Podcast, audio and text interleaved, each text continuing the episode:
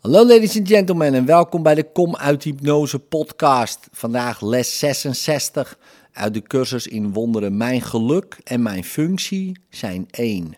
Je zult ongetwijfeld hebben opgemerkt dat we in de laatste lessen steeds de nadruk hebben gelegd op het verband tussen het vervullen van jouw functie en het bereiken van geluk. Dit gebeurde omdat jij niet werkelijk het verband ziet. Het bestaat echter meer dan alleen maar een verband hiertussen. Ze zijn hetzelfde. Hun vorm is verschillend, maar hun inhoud is volkomen gelijk. Het ego voert voortdurend strijd met de Heilige Geest over de fundamentele vraag wat jouw functie is. Zo voert het ook voortdurend strijd met de Heilige Geest over wat jouw geluk is. Het is geen wederzijdse strijd. Het ego valt aan en de Heilige Geest reageert niet. Hij weet wat jouw functie is. Hij weet dat het jouw geluk is. Vandaag zullen we proberen voorbij te gaan aan deze totaal zinloze strijd en uit te komen bij de waarheid omtrent jouw functie. We zullen ons niet inlaten met onzinnig gereden twist over wat die is. We zullen niet hopeloos verwikkeld raken in het definiëren van geluk en het bepalen van de middelen om dat te bereiken. We zullen niet toegeven aan het ego door te luisteren naar zijn aanvallen op de waarheid. We zijn alleen blij dat we erachter kunnen komen wat de waarheid is. Onze langere oefenperiode beoogt vandaag jouw acceptatie van het feit dat er niet alleen een heel wezenlijk verband is tussen je geluk en de functie die God jou heeft gegeven, maar dat ze in feite identiek zijn. God schenkt jou niets dan geluk. Daarom moet de functie die Hij jou gegeven heeft wel geluk zijn, zelfs als het iets anders lijkt. De oefeningen van vandaag zijn een poging aan deze verschillen in verschijningsvorm voorbij te gaan en de gemeenschappelijke inhoud te onderkennen waar die in waarheid bestaat. Begin de 10 à 15 minuten durende oefenperiode met het herhalen van deze gedachte. God schenkt mij niets dan geluk. Hij heeft mij mijn functie gegeven. Dus moet mijn functie geluk zijn. Probeer de logica in deze opeenvolging te zien, ook al aanvaard je de conclusie nog niet meteen. Alleen als de twee eerste gedachten onjuist zijn, kan de conclusie onwaar zijn. Laten we daarom tijdens de oefening een ogenblik nadenken over de premissen. De eerste premisse is dat God jou niets dan geluk schenkt. Dit zou natuurlijk onwaar kunnen zijn, maar om onwaar te zijn is het nodig God te definiëren als iets wat hij niet is.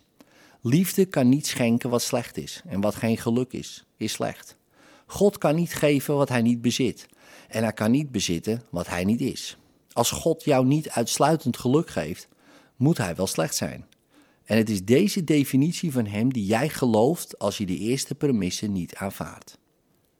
De tweede premisse is dat God jou je functie heeft gegeven. We hebben al gezien dat je denkgeest slechts twee delen heeft. Het ene wordt door het ego beheerst en is samengesteld uit illusies. Het andere is de woonplaats van de Heilige Geest, waar de waarheid verblijft.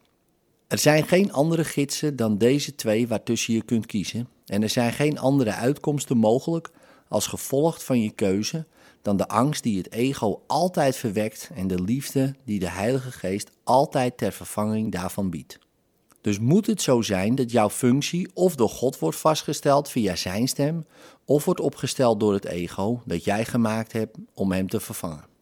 Welke van beide is waar? Als niet God jou je functie heeft gegeven, moet het wel het geschenk van het ego zijn.